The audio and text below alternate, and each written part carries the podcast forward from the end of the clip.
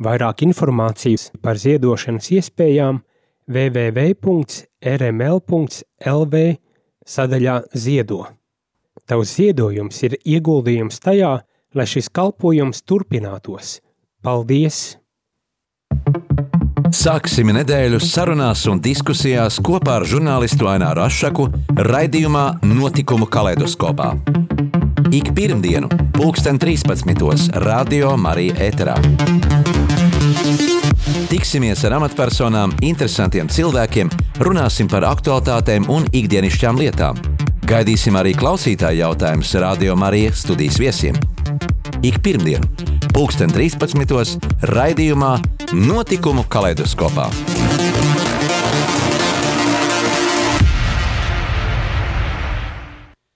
Esiet sveicināti radio klausītāji. Tikko ir apritējusi otrā gadsimta kopš Krievijas iebrukuma Ukrajinā. Kāda izskatās šī brīža situācija un kādas ir prognozes? Jā, jāpiebilst, ka jau ikdiena mūs informē par to masu mēdīti, īpaši pēdējā laikā, viešot tādu varbūtību, ka gūstot uzvaru Ukrajinā, Krievija varētu iebrukt arī NATO teritorijā. Un vairāku valstu augstas amatpersonas, militārie eksperti, bruņoto spēku komandieri norādījuši, ka mazinoties rietumu valstu atbalstam, it īpašām ASV militārai palīdzībai, Krievi var uh, frontē strauji virzīties uz priekšu. Un šodien studijā uz sarunu Ukraiņas notikumu sakarā esmu aicinājis pieredzējušu žurnālistu un rakstnieku, kā arī dzinieku, daudz grāmatu autoru Imantu Liepiņu. Sveiks, Imants! Sveicināti! Un atgādināšu klausītājiem, ka Ukrainā Imants bijis jau ir Eiromaidana laikā, Krīmas aneksijas laikā un piedalījies radas vēlēšanās uh, kā novērotājs. Un jau pirms nepilniem desmit gadiem uh, izdeva grāmatu Ukrainas dzīvība, nāve un iekšējā revolūcija, kā arī pēc Krievijas iebrukuma tapa grāmata Ukrainas vēsture. Tātad tas ir par uh, to paveikto, ko es veicu Ukrainas sakarā. Imants, kā tu raksturotu šī brīža situāciju un kādas varētu būt prognozes par notikumu attīstību nu, tuvākajā nākotnē? Um, sākšu, sākšu no sliktām prognozēm. Uh, Ukrainā visi paši saprot, ka karš ir ļoti ievilcies un ka viņš diemžēl ievilksies uh, vēl vairāk, jo Krievija ir pārlikusi uh, savu iekšējo valsts struktūru un uh, savu ekonomiku un uh, savu ražošanu uz uh, garu karošanu. Tas vairs nav tāds Kīva divās dienās vai tur ieņemt Černihīvas apgabalu divās, trīs nedēļās. Tagad Krievijas domu gaita ir tāda, ka jāgatavojas uz milzīgu, ilgstošu un visā, visaptverošu uh, konfrontāciju ar um, ne tikai ar Ukrajinu, bet ar visiem rietumiem. Un, um, Es aicinātu cilvēkus pievērst uzmanību arī uh, tam, kas notiek uh, citās valstīs, ne tikai uh, Ukrajinā, jo pagājušā gada vidū Krievija mēģināja izraisīt dažādas nesekmīgas dumpjus uh, um, Āfrikā.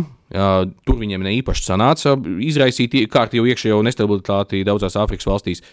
Tad viņi paprasīja uh, savam sabiedrotajam uh, Venecijas diktatoram uh, um, uh, draudēt ar aneksiju mazajai kaimiņu valstī Gajānai. Uh, Dienvidamerikā, tad ir dažādi, dažādi saspīlējumi, piemēram, Ķīna drauda, drauda okupēt Taivānu šobrīd, tāpēc ka, ja jau reiz ja jau reiz, um, ja jau reiz Krievi var tā darīties ar Krīmu, tad kāpēc lai Ķīna nevarētu anektēt Taivānu? Līdz ar to uh, visā pasaulē ir pienācis uh, liels uh, nestabilitātes un lielu draudu um, nu, teiksim, tāds periods.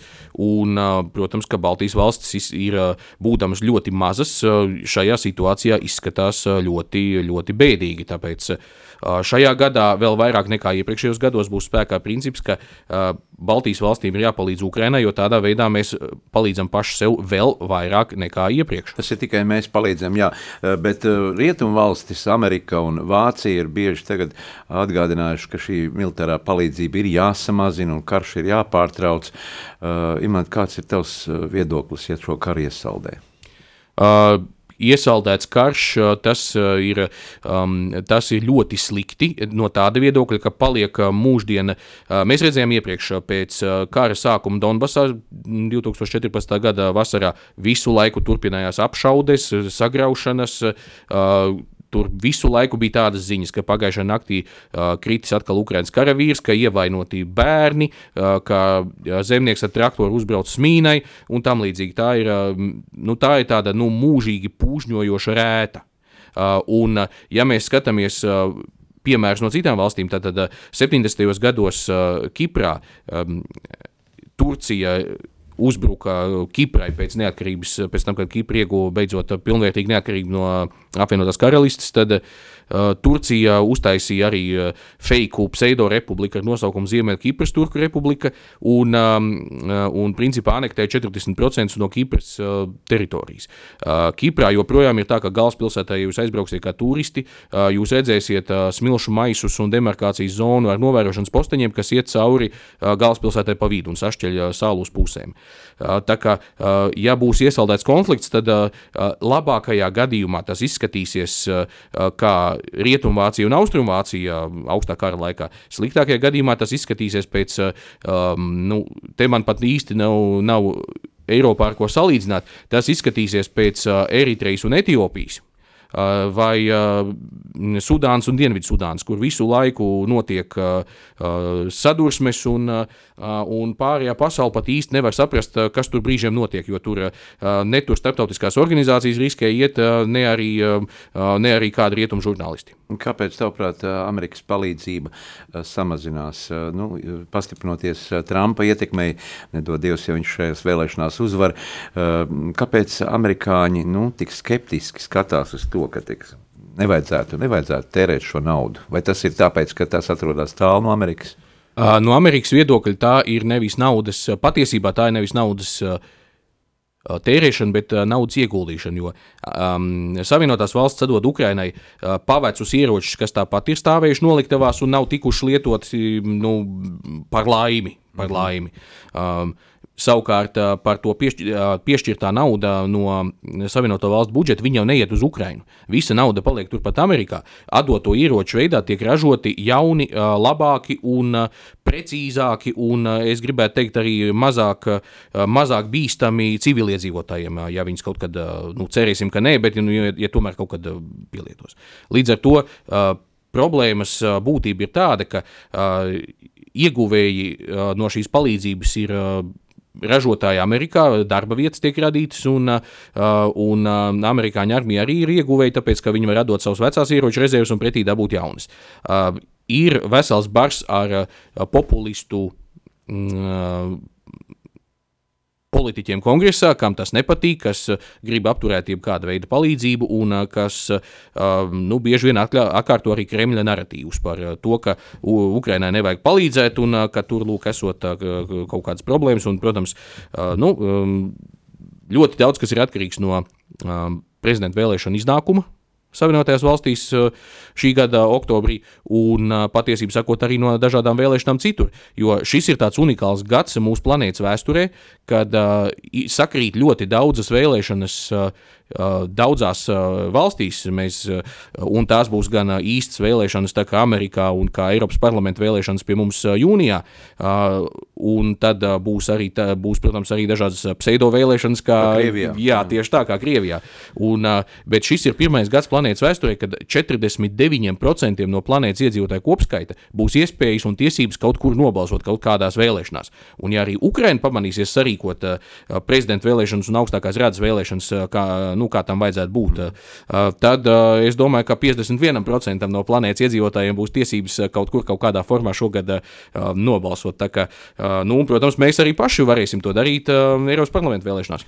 Nu, nesen arī tika informēts, ka, ka dzīvā karaspēka ziņā uh, Ukrainas karavīri viens pret, pret septiņiem Krievijas karavīriem. Tad ievērojams pārspēks un Avdīvkas pamešana arī to parādīja, ka jā, Ukraiņi varbūt vairs nav spējīgi pretoties, kaut gan militāro tehnoloģiju ziņā, nu, Ukrainai tomēr pateicoties šim rietumu atbalstam un droniem un visām pārējām kara tehnikām, tomēr ir, ir, ir lielāks pārspēks militārās tehnoloģijas. Um. Ukrainas armija ir modernāka. Tādā ziņā, ka pirmkārt tur cilvēki saprot, ko viņi dara, un otrām kārtām ir ar ko ir nu, tomēr tos pašus, tie paši ieroči, kas ir, viņi ir stipri modernāki, un ar, jo, piemēram, ar vienu, ar vienu dronu var daudz labāk, daudz vairāk padarīt nekā, nekā teiksim, nodaļa ar 20 karavīriem, kas lien pa zemi un vienalga neredz, kur atrodas pretinieks. Faktiski no ielas. Jā. Nu, uh, Krievijas teiks, iedzīvotāji. Uh, jā, Krievijā, protams, ka tiešām iesauc uh, visus, un uh, tajā skaitā cietumniekus, zekus un tā tālāk. Uh, bet, uh, ko man teica uh, karavīri, kas pirms gada bija karojuši pie Bahmutas? Viņi teica, tā, it kā no malas, no ārzemēm neizskatās loģiski, ka mēs tur cenšamies kaut kādu pilnībā sagrautu pilsētu aizstāvēt un turēties tur līdz pēdējai iespējai. Bet Ja mēs to nedarīsim, ja mēs, piemēram, aiziesim trīs pilsētas tālāk, atkāpsimies, atkal Krievija nāks virsū un atkal tur uh, sagraus to nākamo pilsētu, lai, kā, lai kāda viņa nebūtu. Līdz ar to uh, Ukraiņu karavīri paši teica, mēs turamies uh, pilsētu grupās līdz pēdējai iespējai, jo skaidrs, ka ja mēs aiziesim tā, ja Krievija ies uz priekšu, tad uh, visur, kur viņi aizies, tur būs Bahmut un, un tur būs Avģīvka. Tāpēc uh, es, uh, es, es saprotu to, ko šie nu, Ukraiņu karavīri paši man teica. Uh, tie bija ievainot karavīri, kas bija nosūtīti uz, uz aizmuguri ārstēties. Un, uh, viņi teica, jā, ja mēs vairs paši nevarēsim karot, tad mēs strādāsim pa instruktoriem, apmācīsim jaunos. Uh, un, uh, tāpēc arī Ukrainas. Uh, nu, tā, gan, gan, gan sabiedrības, gan iedzīvotāju tā, um, nu, tā attieksme tāda, ka ir, ir jāturās, ir jāstrādā un ir um, nu, jāgaida rietumu palīdzība, tāpēc ka tomēr, ja, piemēram, nu, ja cilvēkiem jāsaskalda malkas kaudze, tad viņš, viņš var būt cik apņēmīgs to darīt, bet ja viņam nav, nav iedevuši cirvi, ko, ko viņš pats ir prasījis, tad, nu, tad viņam nav ar ko skaldīt. Nu, apdraudējuma ziņu, ziņā teiksim, Baltijas valsts un Skandināvija nu, vistiešākā veidā. Uh, nu, Zviedrija šobrīd jau ir gatava iestāties NATO. Uh, Somija mums jau ir NATO valsts. Ja. Starp citu, jā, man tieši nejaušības kārtā ar vienu uh, Zviedrijas uh, arotbiedrību darbinieku nācās vakar par to runāt, un uh, viņš saka tā, ka Zviedrijā visu laiku bija tā, nu, līdzīgi kā Šveicē, tā apņēmība, ka mēs esam neitrāla valsts un ka mēs, mēs nestrīdamies ne ar vienu, bet šobrīd tas Ukrainā redzētais ir pilnībā nosvēris Zviedru sabiedrību. Zviedrija 200 gadi bija neitrāla valsts. Pēc tam, kad Zviedrija tika sakauta, tika sakauta pie uh, Ukrainā Poltavā, un uh, kad uh, kad arī Pēters I izpostīja un sagrāba Zviedru vidzemi un iekļāva Krievijas impērijā. Zviedrija pēc tam 200 gadus bija neitrāla valsts, bet tagad viņa, viņi arī strauji palielina savu armiju. Un, protams, jā, tagad stāsies NATO, un pirmie zviedru karavīri jau ir ieradušies pie mums ādažos mācīties kopā ar mūsējiem pareizi ir, ka viņi sāk jau tagad, uzreiz, vēl negaidot to formālo iestāšanās procedūras nobeigumu. Uh, arī Ukraina vairāk kārt ir lūgusi, ja, lai varētu iestāties Eiropas Savienībā un iestāties NATO valstu blokā, uh, bet tas ir tieši kara ziņā nav iespējams. Uh, tur, tur, ir, tur, ir dažas, tur ir dažas nianses. Piemēram, uh, tā kā NATO ir uh, nu, aizsardzības alianse, tad šis NATO 4, 5, 6 Ziemeļatlantijas līguma punkti nosaka, ka uzbrukums vienai valstī tiek uzskatīts automātiski par uzbrukumu visam. Bet Ko darīt, ja grib iestāties valsts, kurā jau ir kaut kāda kara darbība? Vai to uzskatīt par uzbrukumu visām pārējām um, valstīm. Nu, nu, tas tas jau, tāds jautājums, starp citu, tieši bija Kipras sakarā. Jo Kipra iestājusies Eiropas Savienībā, bet ne NATO, tāpēc ka viņiem tur joprojām velkās šis, šis iesaldētais konflikts šķērsām pāri salai. Un, patiesībā sakot, Britu flote tur uzcēlusi divas bāzes, Akrotiri un Dekelija, lai nodrošināt to, ka šīs abas puses uh, atkal nesāk viena otrai uh, um, krist virsū. Līdz ar to šādā veidā iestāšanās, Ukraiņas iestāšanās NATO ir problemātiska. Protams, ka viņi var virzīties uz to iestāšanos NATO, un tā, tā viņiem, nu, bet kamēr nebūs izdzīti visi krievi no visas Krievijas armija ārā no Ukraiņas, un kamēr nebūs atjaunota Ukraiņas, nu, pilns Ukraiņas valstiskums par visām teritorijām, tikmēr uh, Tikmēr ar to iestāšanos NATO būs nu, ļoti daudz kas jāatrisina. Iestāšanās Eiropas Savienībā tas gan ir mazāk problemātiski, jo um, Eiropas Savienība, ņemot vērā, ka tas ir nu, principā tirzniecības bloks, tad uh, tur, uh, tur nav īpaši. Um, nu, kā lai pasaka, nav, uh, nav tādu šķēršļu, kā to arī Kipra jau pierādīja, ka var iestāties tā teikt, um, arī ar vienu kāju Eiropas Savienībā un otra kāja paliek ārā. Bet uh, Ukrainas gadījumā tā teritorija, kas ir šobrīd nonākusi Krievijas kontrolē, pat procentuāli ir mazāka nekā tā, kas uh, Kiprā, ko pārvalda šī te uh, feikā Ziemeļkipras uh, Turku republika. Jā, mēs jau ne, nedaudz pieskārāmies pa militārām tehnoloģijām un, un kara, kara spēka aprīkojumu. Uh, ja kara sākumā mm, Krievija vairāk izmantoja tieši šo savu veco kara tehniku, tad tagad pēdējā laikā jau Ziemeļkoreja, Ķīna, Irāna piedāvā savus dronus un šīs militārās tehnoloģijas faktiski arī jau kļūst jau līdzvērtīgas šīm rietumtehnoloģijām. Es domāju, ka nē, jo uh, tas šobrīd Ukrainā notiek ārkārtīgi strauja uh, kvalitatīva at, attīstība ar visādiem bezpilota lidaparātiem un tam līdzīgi. Un, un arī jūras droni.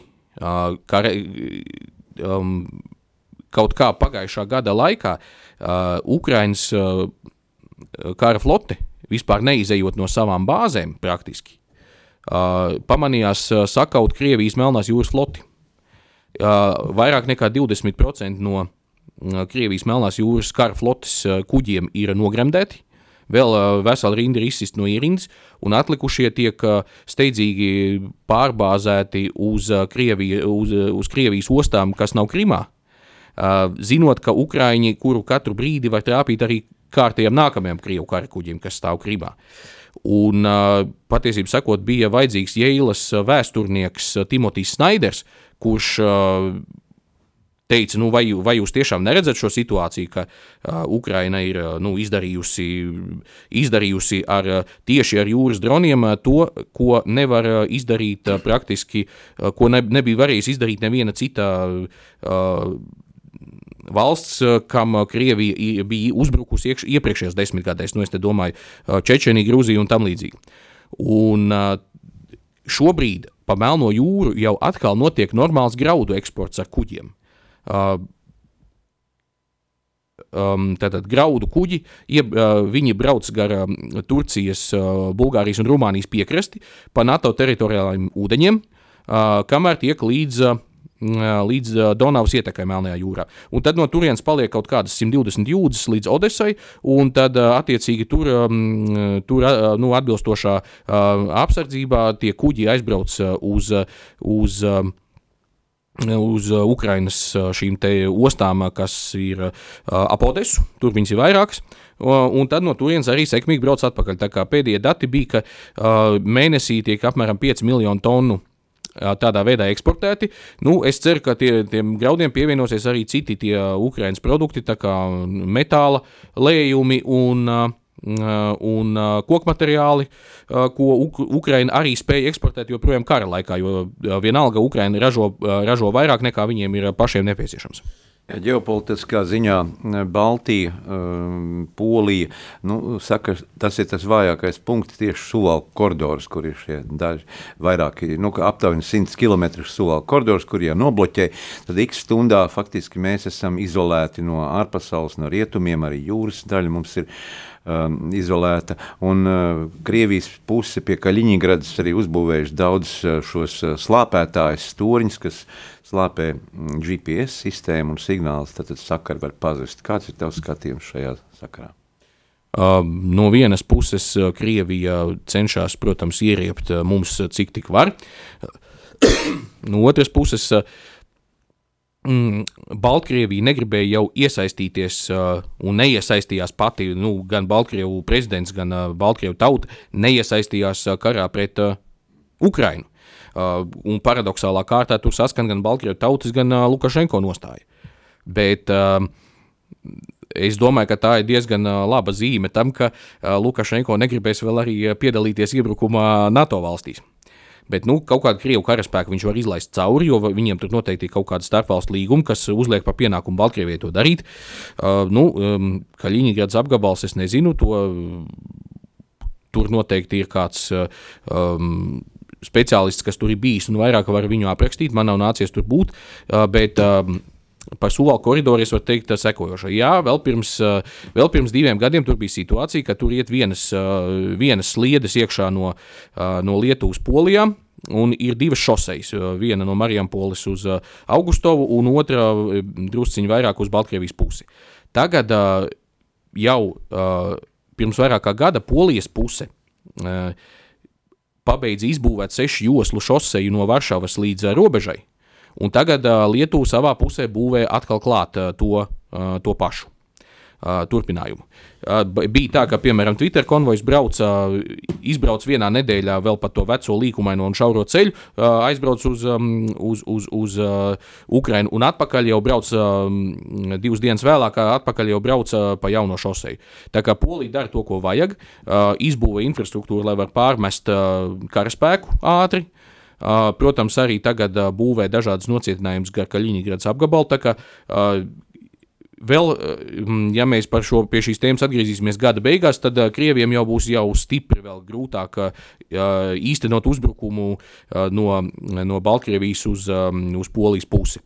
Kas attiecās uz Uh, uz to, ko mēs darām. Protams, mēs arī darām pareizi, ka mēs izbūvējam robežu, sen jau vajadzēja. Un uh, es domāju, ka mūsu pašreizējais prezidents ir, man bija iespēja redzēt klātienē viņa braucienu uz robežu, un mūsu prezidents attiecībā par mums te ļoti strikt norādīja, protams, viņam tur žurnālisti prasīja, kā, vai nevajag kādu vai nevajag lielāku kontroli un sodīt visus tos, kas ir iesaistīti robežas izbūvē.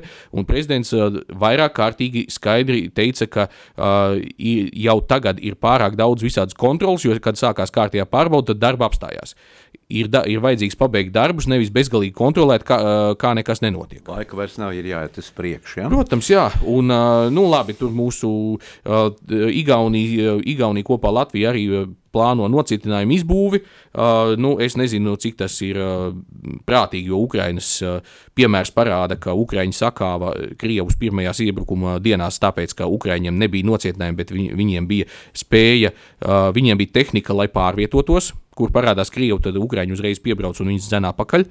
Un, uh, un uh, droni tie ir vairāk vajadzīgi nekā, uh, nekā betona nocietinājumi šobrīd, jo Avģīvkas gadījumā mēs jau īpaši redzam, Ukrāņiem nav šobrīd artilērijas un raķetes um, lādiņi, ko dot virsū Krieviem.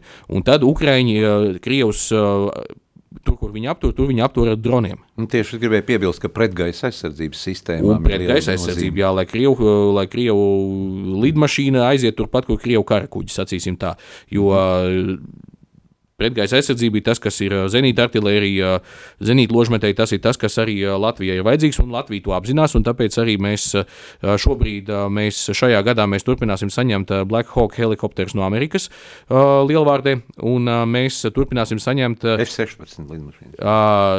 F-16 lidmašīnas visas, cik ir rezerves, droši vien beigās aizies uz Ukrainu. Mēs tagad arī, mēs, mums pat ir tā, ka mēs, piemēram, tos pašus Haimars kompleksus arī Latvija gribētu iepirkt, bet nevar nopirkt, tāpēc, ka viss, kas, kas viss tiek sarežģīts, aiziet, aiziet Ukrainai. Nu, tā ir ārkārtīgi sarežģīta tehnika un dārga.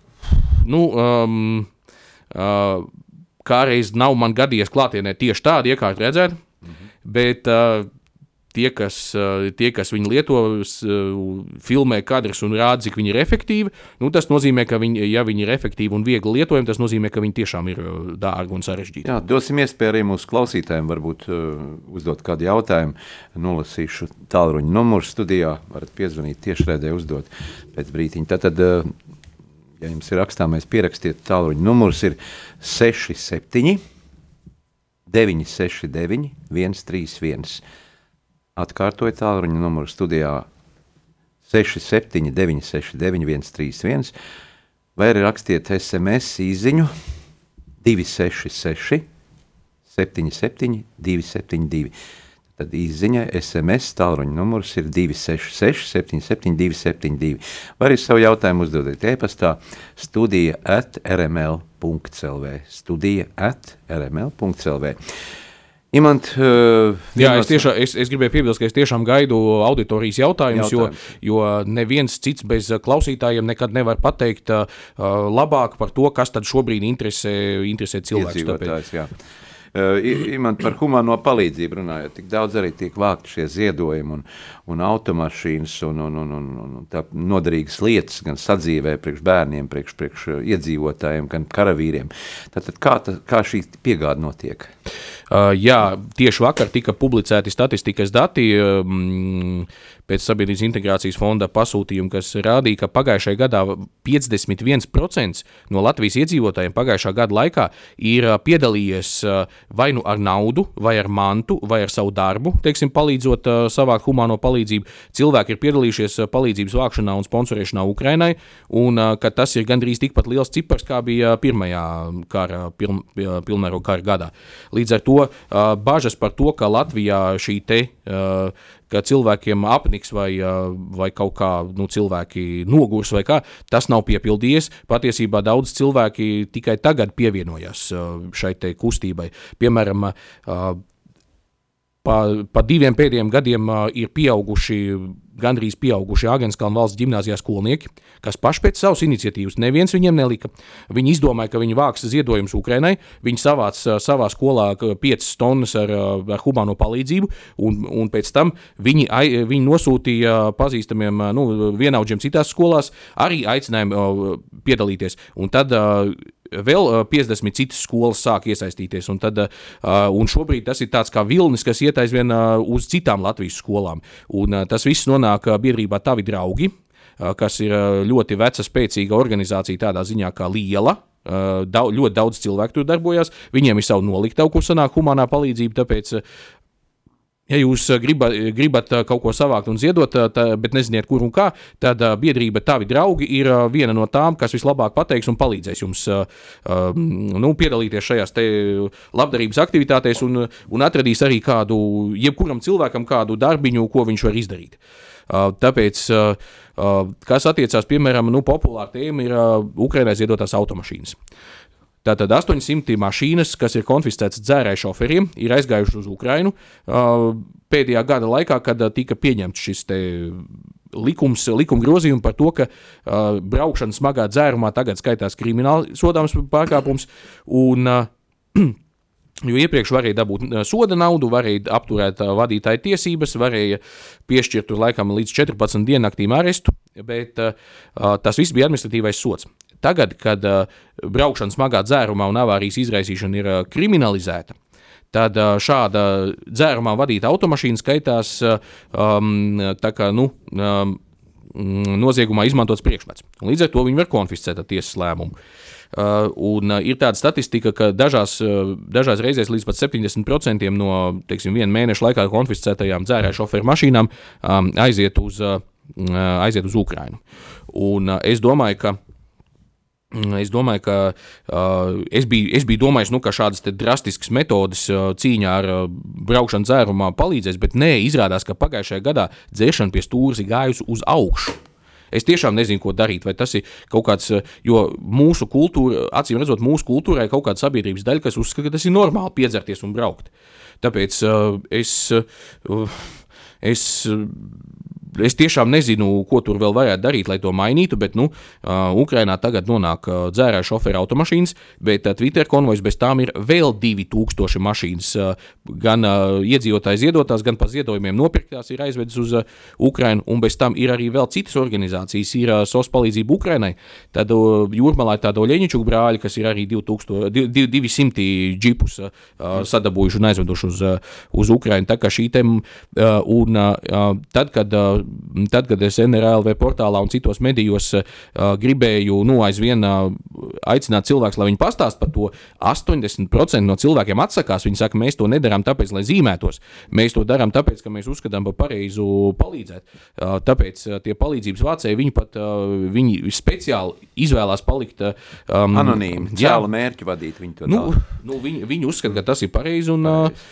un tā jau arī ir, jo mēs taču arī nu, tipiskais Ukraiņas karavīrs, kas aizstāv savu valstu, viņš jau arī ir anonīms. Tie, tie jau ir tikai daži, kas publiski nu, stāsta par savu dienestu, vai, vai kā, ko viņi tur dara, vai ko viņam vēl vajag. Vai, vai, vai, vai nu, kādā veidā viņiem vēl var kaut ko Parunāsim palīdzēt. par hibrīdu kara elementiem. Tie pastiprinās un šī dezinformācija, iebiedēšana, nepareizas informācijas sniegšana sabiedrībai.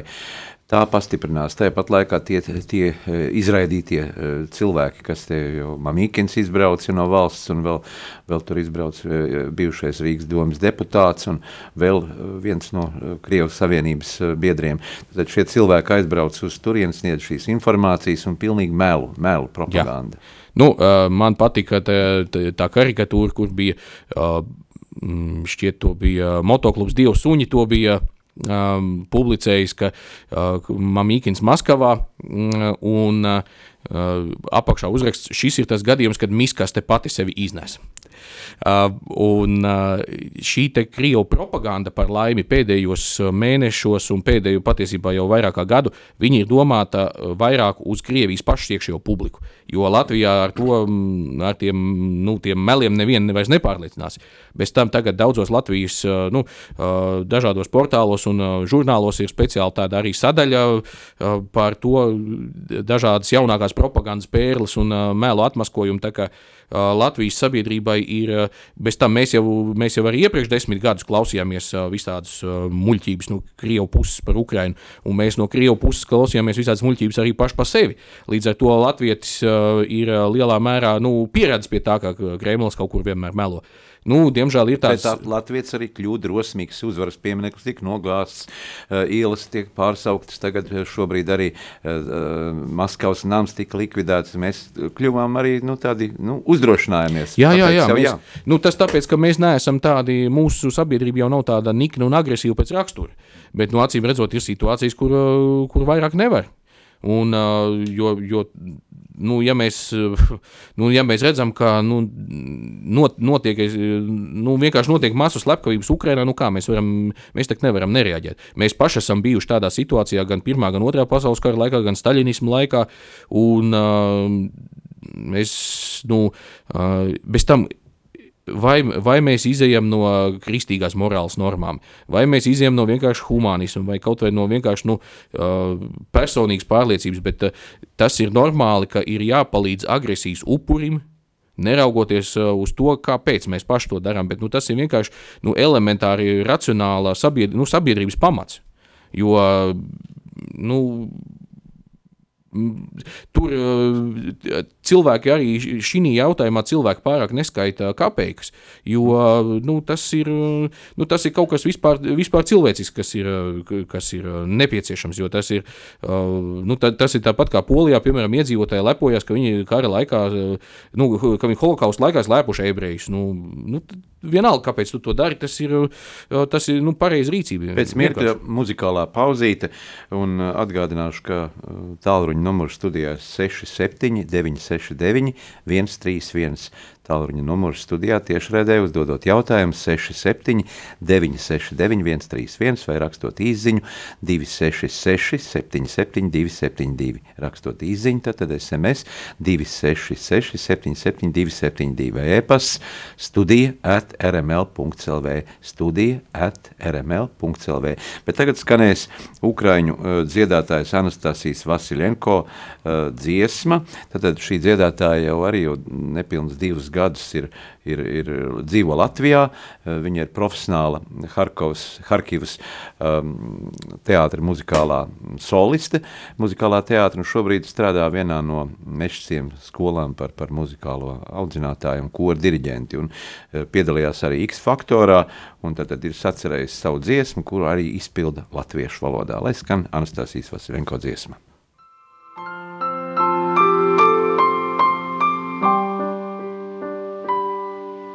Dzīve ir tik neparedzama, bieži attēli mainās, skumjas reizēm neaprakstāmas, nepieciešamā gaismā.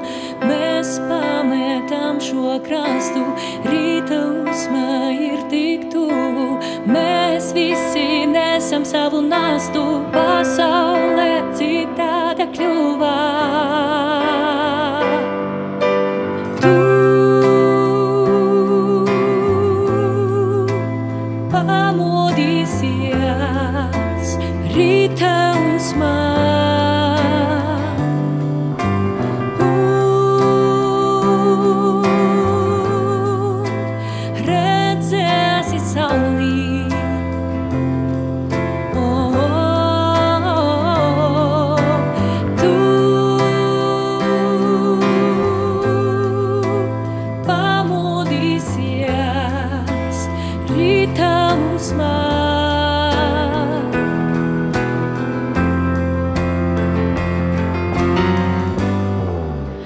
ręce sypa sołi.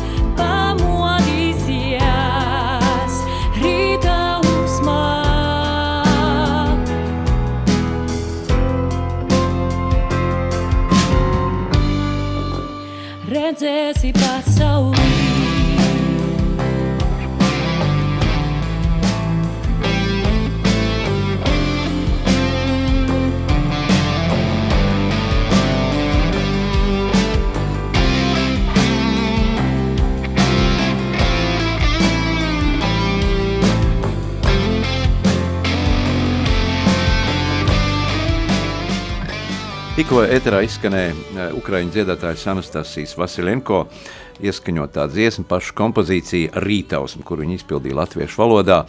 Un, un kā, kā, jau, kā jau minēja, viņa nepilns divus gadus šeit dzīvo Latvijā. Savukārt studijā mēs šodien sarunājamies ar rakstnieku, publicistu un ukraiņu lietu pārzinātāju Imantu Liepiņu. Imant, par poļu graudiem, par poļu graudiem vispār par šo graudu problēmu, kas, kas ir samilzusi eh, šajā reģionā. Jā, nu, tātad tas, protams, visiem ir zināms fakts, ka Ukrainas eh, auglīgajā melnzemē tiek izaudzēti vismaz 50 miljonu tonu graudu vairāk uh, gadā nekā Ukraina pats spēja izlietot un patērēt. Nu, un, attiecīgi, šie, tie, šie tie graudi tiek eksportēti uz uh, tādām valstīm, kur uh, maz kas aug, pieņemsim uz Persijas līča valstīm, uz Arābu valstīm, uz Eģipti un Maroku un tam līdzīgi. Un savukārt no turienes pretī tiek Ukrainā ievesta nafta. Um, un, uh, un dažādi nu, rūpniecības izstrādājumi un tam līdzīgi. Nu, protams, ka uh, Ukrāņi normālos apstākļos arī brauc uh, atpūsties uz uh, Turciju, Eģipti un uh, citām vietām uh, um, atvaļinājumā. Uh, bet uh, apstākļos, kad uh, graudu eksports uh, kļuva neiespējams uh, caur uh, Melno jūru uh, pagājušajā un aizpagājušajā gadā, Krievijas iebrukuma dēļ, tad, lai šos te nokultos graudus no 2021. Mm, gada ražas varētu kaut kā eksportēt, um, tad, protams, tika mēģināts darīt viss kaut kas. Mēģināja vest ar ar fūriem uz Poliju, mēģināja vest ar, ar dzelzceļa vagoniem. Tur ir tāda problēma, ka Polijā un Ukrainā ir dažādu platumu sliedes. Kā rezultātā bija sabiedrība graudus konteineros, veda līdz robežai, tur pārlika uz poļu dzelzceļa platformām un veda tālāk. Nu, tas it kā pa pusotru diennakti to procesu pagarina, bet um, kopumā izdarīt to var. Problēma bija tāda, ka Polijā ir uh, nepietiekoši, nepietiekoši graudu terminālu skaits. Pat ja var aizvest teiksim, uz Dāņaskas ostu, tad uh, nebūs kur tos graudus pārkraut. Jo cik tā infrastruktūra ir, viņi ir domāta Polijas pašas graudu eksportam. Bija mēģinājumi, uh, uztaisīja speciālu konteineru vilcienu, kurš uh, gāja no, izgāja no Klaipēdas ostas, aizbrauca uh, līdz Polijas robežai. Uh, pārlika konteinerus uz Polijas uh, dzelzceļa platformām, aizved līdz Ukrainai un tur pārlika atpakaļ uz 1435 mm platformas nu, platumā sliedēm. Uh, un pēc tam tos konteinerus piebēra graudiem un veda atpakaļ uz Klaipēdu. Vilciens uh, patērēja trīs nedēļas tam ceļā, un beigās atveda tikai 3,5 tūkstošu tonu. Tā kā principā eksperiments izgāzās. Tad, nu, tad nu, Ukrāņu eksportētāji mēģināja visādi. Visvienkāršākais variants būtu piekraut vagonus ar tiem graudiem, izvest cauri Baltkrievijai un tad eksportēt caur Latvijas ostām. Bet tā kā, protams, tā kā Baltkrievija atbalsta Krievijas iebrukumu, tad tas nav variants. Tur pa ceļam tos graudus nozags vai, kaut, vai aizvedīs uz Krieviju. Un problēma izrādījās tāda, ka Ukra, Ukrāņu eksportētāji nevar graudus izvest cauri Polijai, tāpēc ka Polija pēkšņi sāka pieprasīt, lai tie graudi būtu certificēti tirguma, tirgošanai Eiropas Savienībā. Uh, tranzītā ejošā prece iziet no izcelsmes valsts, tranzītā iziet cauri vienalga, vai tā būtu Latvija vai Polija vai kāda cita valsts. Un uh, nonāk ostā muitas noliktavā, tiek uzkrāmēta uz kuģa, un viņa neieiet attiecīgās tranzīta valsts tirgu vispār. Uh, bet Polija sāka pieprasīt, lai šie graudi tiktu certificēti Eiropas Savienības tirgumu, kaut arī uh, nekad iepriekš tas netika darīts. Kā rezultātā uh, eksportētāji 3-4 nedēļas strīdējās ar polijas varas iestādēm, ka mums taču tas ir tranzīts, mēs negribam viņu, viņus mums pārdot, reku mums ir pircējs Marokā. Tie graudi ir certificēti un viņi pārbaudīti Marokas laboratorijā, viņi atbilst Marokas standartiem. Uh, Bet Polija pieprasīja certificēt viņus arī Eiropas Savienības tirgumu. Nu, neko darīt. Agroholdingi sāk certificēt graudus tirgošanai Eiropas Savienībā, un kas notika? Tie graudi arī tiešām sāka palikt Eiropas Savienībā, jo gan, gan Slovākijā, gan Polijā, gan, gan Rumānijā, nu, ja reiz šie graudi ir legāli importējami Eiropas Savienībā, nu, atradās pircēji, kas to sāk darīt. Līdz ar to šī problēma Polijā ar Ukraiņas graudiem ir pašas Polijas izraisīta ļautu viņu vest ar vagoniem vai fūriem cauri uz polijas ostām tranzītā, nekad šāda problēma nebūtu radusies. Man to izstāstīja paši, paši Ļuvijā izstāstīja paši uzņēmēji, kas ar šo biznesu nodarbojās. Viņi teica, ka mēs, mēs negribam tos graudus certificēt Eiropas Savienībā, mēs viņus gribam pārdot tālāk visā pasaulē, bet, nu, ja Polija, Polija mūs vienkārši piespiež to darīt. Un tā tad vis, visa šī te, uh, darbība tagad ir novedusi pie tā, ka Eiropas tirgū sāk parādīties uh, objektīvi lētākie Ukraiņas graudi tieši tāpēc, ka Polija pati šo problēmu izraisīja. Un polijas, es saprotu, arī polijas zemnieks, viņa, viņam tagad ir, viņš ar saviem uh, graudiem nevar vairs konkurēt. Uh, un, uh, tāpēc viņš taisa protestus, bet principā polijas zemniekam nevajag protestēt uh, uz Ukraiņas robežas. Viņam vajag uh, protestēt uh, Viņam vajag protestēt principā pie, po, pie polijas uh, muitas iestādēm. Tas ir tiešām nevajadzīgs nesaskaņas šobrīd uh, nu, kara, kara situācijā. Nu, nu jā, un galvenais, ka tas no tā ieguvējis nav neviens. Nav ieguvēji poļu zemnieki, nav ieguvēji uh, Ukraiņas eksportētāji, un nav, uh, nav ieguvēji arī to uh, uh, tropisko valstu iedzīvotāji, kas normālos apstākļos pērk uh, Ukraiņas graudus. Imant, pēdējā laikā vēl par, par korupciju runājot, tiek minēts, ka nu, Ukraina ir augstu koruptīvu indeksu, tad, tad liela korupcija gan, gan dažādās varas struktūrās joprojām, un, un, un, un vai tā arī tāda dezinformācija, vai tas tiešām tā arī atbilst patiesībai, ka tur iespējams atpirkties no armijas un, un, un arī šī humanā palīdzība varbūt nonāk kaut kur netur. Mm, nē, nu man jau parasti likās, ka Ukrainā ir mūžīgie 90. gadi līdz šim laikam, bet, godīgi sakot, uh, kopš Eiromaidana revolūcijas. Janukovičs laiks. Nu, Janukovičs laiks, jā, tad, tad mēs paši, nu, konkrēti es varu pastāstīt par tādu dzīves sfēru kā vēlēšanas, tad mēs paši, nu, Latvijas jā. novērotāji, mēs skraidījām apkārt pa iecirkņiem un, un, un fiksējām, kur notiek pārkāpumi, kur notiek pa 500 grīvnām balsu pirkšana un tā tālāk. Um, vienreiz Černihivā mēs pieķērām, piemēram, pieķērām pie rokas vienu dāmu vēlēšanu komisijā, ka uh, Iecirkņus slēdz svētdienas vakarā, pulksten astoņos, bet viņi jau pulksten sešos sāk rakstīt protokolu, cik kura uh, partija dabūjusi balsis. Nu, tad mēs pieķērām pie rokas, notiek dokumentu viltošana un tā tālāk. Tā piespiedām, lai viņi iznīcina to viltoto um, veidlapu, un, un tad mēs viņai skatījāmies uz nagiem, lai, lai tiešām visas balsis tiktu savāktas līdz astoņiem vakarā un pēc tam līdz pusnaktī normāli saskaitītas. Bet uh, tādas situācijas Ukrainā notika aizvien retāk. Uh, jo valsts kopumā pēdējos desmit gados ir ārkārtīgi attīstījusies un modernizējusies, un uh, tas arī tagad notiek pa spīti karam. Un, uh, Pēdējā reizē, kad bija Ukrainā prezidenta un parlamenta vēlēšanas, Latvijas novērotāji vairs nebija vajadzīgi. Uh, es pieļauju, ka tagad, pēc kara beigām, viņi atkal būs vajadzīgi uh, šajos bijušajos okupētajos apgabalos, uh, vai, teiksim, Krimā, kad tā tiks atbrīvota un vairs nebūs anektēta. Jā, tur, tur atkal būs ko darīt. Bet es no savas pieredzes varu teikt, ka daudzi, daudzi jautājumi tiešām ir Ukrainā aizvien labāki. Protams, ka teiksim, tā nekompetences un stulbuma ziņā um, Ukraina vēl ir zema mums, vēl Uh, nu, Ukrainā ir sliktāka situācija, droši vien arī korupcijas ziņā, bet uh, labā ziņa ir tāda, ka tur visu laiku notiek progress, jo pašā visā sabiedrībā ir milzīgs pieprasījums pēc, pēc tā, lai šis progress būtu.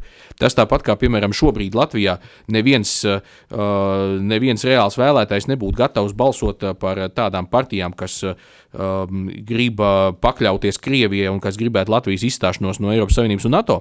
Tā arī Ukrainā cilvēki vienkārši nebalso par politiķiem, kas uh, nesola um, cīnīties ar uh, kukuļiem. Te nesen mm, pavīdēja informācija, ka uh, Krievija arī raugās uz, Piedņestras reģionu Moldā, Moldovā. Kad to varētu, teiksim, arī. Jā, lūk, Moldova ir viens no tiem iesaldētā konflikta piemēriem. Uh, kur Piedņestras separātisti jau, manuprāt, uh, 90. gadā, pat ne 91. Mhm. bet jau sāka, sāka izraisīt jūcekli. Un tad Moldova arī ir viena no tām valstīm, kas oficiāli skaitās neitrāla bet viņi tagad ir sākusi virzību uz iestāšanos Eiropas Savienībā. Nu, lai viņiem veicās, bet šis Piedņestras reģions joprojām ir pilnībā atkarīgs no, atkarīgs no Krievijas tā saucamiem mieru uzturētājiem. Tur atrodas Krievijas armijas kontingents, un, ja, um, un tur ir vietējie prokremliskie deputāti Piedņestrā, kas atklāti, viņi jau iepriekš ir rakstījuši Kremlim iesniegumus par to, lai viņus anektē. Un šāda varbūtība, diemžēl, pastāv, un jo sliktāk Krievijai ies frontē, jo vairāk viņi turpinās taisīt šādas nu, problēmas visiem citur, kur tik var. Tajā skaitā es, es arī neizslēdzu iespēju, ka mēģinās atkal sākt, sākt bļaut par to, ka ir vajadzīga, vajadzīgs krievalodīgo aizstāvības akcijas um, Latvijā un tam līdzīgi. Jā, arī mums šis reģions, teiksim, Latgales pusē, Daugavpils, nu, jāsaka, ir diezgan, diezgan tāds, nu, nestabils. Um, un šī iekšējā drošība ir svarīga, lai nesāktu kaut kādas nu, konfrontācijas. Cik, cik es pēdējo gadu, pēdējo, nu, cik es, jā, pēdējo gadu laikā esmu uh, vairāk ir, ir sanācis iepazīties ar Latgali, tad uh, vidusmēra latgaliski runājošie latgales iedzīvotāji brīžām ir lielāki nacionālisti, um, lielāki Latvijas patrioti nekā pat uh, citos reģionos. Tā kā es domāju, ka uh, Krieviem tur nemaz nebūs uh, tik viegli lai ko viņi tur mēģinātu izdarīt, bet, um, bet problēma paliek. Un, jo sliktāk Krievija ies frontē, jo, jo vairāk viņi gribēs uztaisīt visādas provokācijas un jūcekļus visās citās malās. Jā, kā sākumā jau minēju, tu esi uzrakstījis vairākas grāmatas, šos dokumentālos stāstus. Tad, tad public, uh, pastāst par savām grāmatām Ukraiņas vēsturi, kā tā ir aizgājusi tautā. Jā, tā tad. Um, precīzi pirms diviem gadiem mēs priekš, pēkšņi sapratām, ka Latvijā nav viena, latviski nav vienā grāmatā pieejama Ukraiņas vēsture. Ir Somijas vēsture, ir Brītu vēsture, ir, ir um, arī Zviedrijas vēsture vienā grāmatā, bet Ukraiņas vēsture ne. Un tad uh, mums salasījās 13 autoru kolektīvs, um, kur ir gan uh, profesionālie, nu, vēstures profesori, kā Jēkabsons Blējeri, um, un uh, tad ir tādi, uh, nu, pētnieki, kas specializējas uz kaut ko, uh, piemēram, uh, vēsturnieks Agris Dzēnis, tad um, bijušais Latvijas valsts arhīva direktors Refats Čubarovs, kurš ir Krimas tatāru medžlis priekšsēdētājs un vairāk kārtējs augstākās radas deputāts, un kurš savu politisko karjeru sācis kā tautfrontietis Rīgas domē savulaik. Uh, tad mums ir uh, Odesas uh, literatūras zinātnieks un autors Kudrins, un, um, un tad mums ir tādi atsliecinieku stāsti, kā piemēram Raicis Sametis stāst, kā viņš Černobiļā, ko viņš pieredzējis, kā kodola katastrofas viens no seku likvidatoriem daudzajiem. Un, protams, ka mana specializācija bija pēdējo, pēdējo nu, sacīsim tā, 11 gadu Ukraiņas vēsturē, tā, kur es esmu bijis klāt un ko es pats esmu redzējis. Tur. Tā kā mm, mums, nu, atbilstoši pašreizējai grāmatniecības praksē Latvijā tika nodrukāta pirmā tūkstošu eksemplāru tirāžu, to izpirkt, tad uh, nodrukāja otru tūkstoti, un manuprāt, tagad iet trešais tūkstotis. Arī bibliotekā šīs grāmatas. Protams, protams, bibliotekās, jā, un ja jūs nevarat dabūt, tad, uh, tad uh, vienkārši prasiet, bet uh, tur, kur es esmu bijis bibliotekās uz, uh, uz dažādiem literāriem pasākumiem, tur es redzu, ka man ir prieks redzēt, ka manas grāmatas ir uh, nu, tā kā uh, aktualitāšu stendā. Mūsu raidījuma laiks tuvojas noslēgumam. Uh, Imant, uh, parunāsim par kaut ko optimistisku, varbūt šajā nākotnē, šajā pavasarī. Nu, kādas varētu būt šīs optimistiskās prognozes, ja par tām pesimistiskām mēs jau daudz runājam, kas varētu būt un kas būtu iespējams, ja? bet nu, šīs optimistiskās prognozes. Mm. Es ļoti, uh, es ļoti ceru, ka piepildīsies uh, tas scenārijs, kurš nevienu reizi vien jau ir Krievijas vēsturē piepildījies, tas, ka Krievija pēc neveiksmīga ārēja kara sabrūk iekšēji. Nav jau pareizi vēlēt kaimiņiem kaut ko sliktu, bet es domāju, ka Krievija šoreiz tiešām to ir pelnījusi. Jo tie uzņēmēji un, un visi tie, tie, tie biznesmeņi tie ir sabrukuši faktiski. Nu, mēs, jā, Krievijas ekonomika sabrūk, pie kam jo ātrāk tas Krievijas režīms sabruks, jo labāk būs pašiem Krievijas iedzīvotājiem. Neviens viņus vairs nesūtīs uz Vīviku krist. Uh, krīst briesmīgā nāvē par neko. Neviens viņus nesūtīs uz fronti, kur viņi tiek sakropļot un, uh, un, uh, un atgriežas um, mājās bez rokām kājām. Ģimenēm tāda nav vajadzīga ne mātēm, ne arī sievām. Nu, nu, tas, ta, tas, tas, nu, tas, ko Krievijā krītās dzīves līmenis pašai, tur pensionārs salst un badojās, nu, tas, ta, um, un uh, mēs zinām, ka Krievijas vēsturē bijis tā, ka Krievija, Krievija zaudēja Pirmajā pasaules karā, lai cik dīvaini nebūtu, visas pārējās sabiedrotās valsts uzvarēja, Vācija zaudēja, bet arī Krievija zaudēja. Un Krievija pēc tam iekšēji sabruka. Notika februāra revolūcija, un pēc tam gada beigās, 1917. gada beigās, nu, notika arī Bolševika revolūcija. Un Krievija pēc tam vairs pazīt nevarēja. Tāpat Krievija zaudēja Afganistānas karu 80. gados, un arī Padomu Savienība sabruka. Un, Un tas paradoks bija tāds, ka savulaik Savulaik Leņņņins, eh, sēdēdams Šveicē, sūkstījās, ka nu, viņš lielo revolūciju nepiedzīvošot uh, savas dzīves laikā. Patiesībā nepagāja divi mēneši, kad Krievijā jau sākās, uh, sākās šī te, um, februāra revolūcija, kura uh, caru no patvaldnieka padarīja par vienkārši par, no sākuma par uh, valsts formālo galvu, izveidojās Kerenska valdība un beigās arī uh, gada beigās notika Bolševika revolūcija. Tāpat arī uh, 1991. gada uh, vidū, uh, kad uh, toreizējais uh, Savienoto Valstu prezidents Džordžs uh, Bušs seniors uh, bija uh, Kīvā.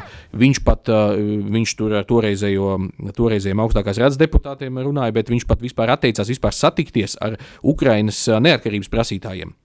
Bet jau jau augustā notika referendums par Ukraiņas neatkarību, un gada beigās um, Ukraiņas prezidents Kravčuks, uh, Krievijas prezidents Jeļcins un uh, Baltkrievu demokrātiskais līderis Šuškevičs parakstīja uh, šo te formālo dokumentu par PSRS likvidāciju. Tā kā vēsture mums parāda, ka tādas lietas iespējams ir. Un es ļoti, nu, es, es teiktu, ka tā ļoti gribētu to cerēt. Nu, gribētu. Es domāju, ka tas, es, es nevaru prognozēt, jo iepriekš nevienam nekad nav izdevies prognozēt, kādā veidā Krievija sabruks. Uh, Uh, katru reizi tas notiek kaut kā savādāk. Nu, Jā, bet, um, nu, Aleksandra Navaļņie nāve arī parāda to, ka pat uh, mātei negrib atdot viņas jā, bērnu. Jā, jā, jā, tas nu, jā, šie, nu, uh, cilvēki, kas protestē, nu, viņi tiek aizturēti. Viņi tiek aizturēti, jā, viņi tiek īsti spīdzināti un visbeidzot uh, ieslodzīti uz desmit gadiem par to, ka ir mm. uh, pārpostējuši kaut kādu politisko karikatūru vai kaut ko tādu. Uh, mm, es gribētu cerēt, ka šoreiz tā Krievija, nu, nu cerēsim jau, ka viņa paspēs nodarīt pēc iespējas mazāku ļaunumu pirms savas sabrukšanas. Man, man ļoti, ļoti zīmīgi bija se secinājumi un slēdzieni pēc tā saucamā Vāgneriešu dumpja. Prigožina. Prigožins savāca savu armiju mašai uz, uz Maskavu, pa ceļam sagrābdams tur Rostovas kara apgabala štābu un notriekdams Krievu lidmašīnas un, un, un, un, un gribēdams, ko viņš tur Voroņieži ieņēma kaut ko pa ceļam un tad uh, Un es kā reiz to redzot, es, es aizgāju vakarā uz veikalu pēc uh, uh, popkorna un šampanieša, jo uh, man likās tā, uh, Kad un, un, kamēr, un kad, kad es, kamēr es atnāku no veikala, tikmēr man dzīves biedrs saka, viss jau dumps jau ir beidzies. Nu, jā. Uh, bet problēma bija tāda, ka dumpis izcēlās nevis tāpēc, ka, uh, ka tauta negribētu karot vai ka cilvēki gribētu mieru. Nē, dumpis izcēlās tāpēc, ka Krievija, uh, Prigožins un viņa Vāgnerieši uzskatīja, ka Krievija ir nepietiekami asiņaina, mm. ka viņiem vajag vairāk ieročus, vajag vairāk lādiņus, lai viņi vairāk cilvēkus, lai viņi varētu vēl agresīvāk uh, uh, iekarot Ukrainu. Un tā, un tā bija ļoti, ļoti, slikta, ļoti slikta zīme, un uh, tas tikai parāda, ka Krievijā tas asinskārums, ka viņš rezonē ar sabiedrības kaut kādām daļām, un ka tur Krievijā, Krievijas iekšienē ir reāls pieprasījums pēc agresīviem iekarošanas kariem un uh, slaktēšanas. Paldies, paldies. eh, Mūsu raidījuma laiks eh, tuvojas izskaņai. Paldies, Imant, eh, ka bija studijā. Atgādini mūsu klausītājiem, ka interesanti klausījāmies mūsu pieredzējušā um, Ukrainas eksperta, publicista, rakstnieka Imanta Liepiņa stāstījumu un pieredzēto uh, saistībā ar Ukrainu. Lai tev arī daudz ideju un šī sadarbība, un, un paldies tev par šo ieguldīto darbu un pašaizliedzību, kur es līdz jau šos šajos gados, uh, lai uzturētu kontaktus ar Ukraiņiem. Paldies tev! Paldies visiem klausītājiem! Sāksim nedēļu sarunās un diskusijās kopā ar žurnālistu Aināru Rošu raidījumā Notikumu kaleidoskopā. Radio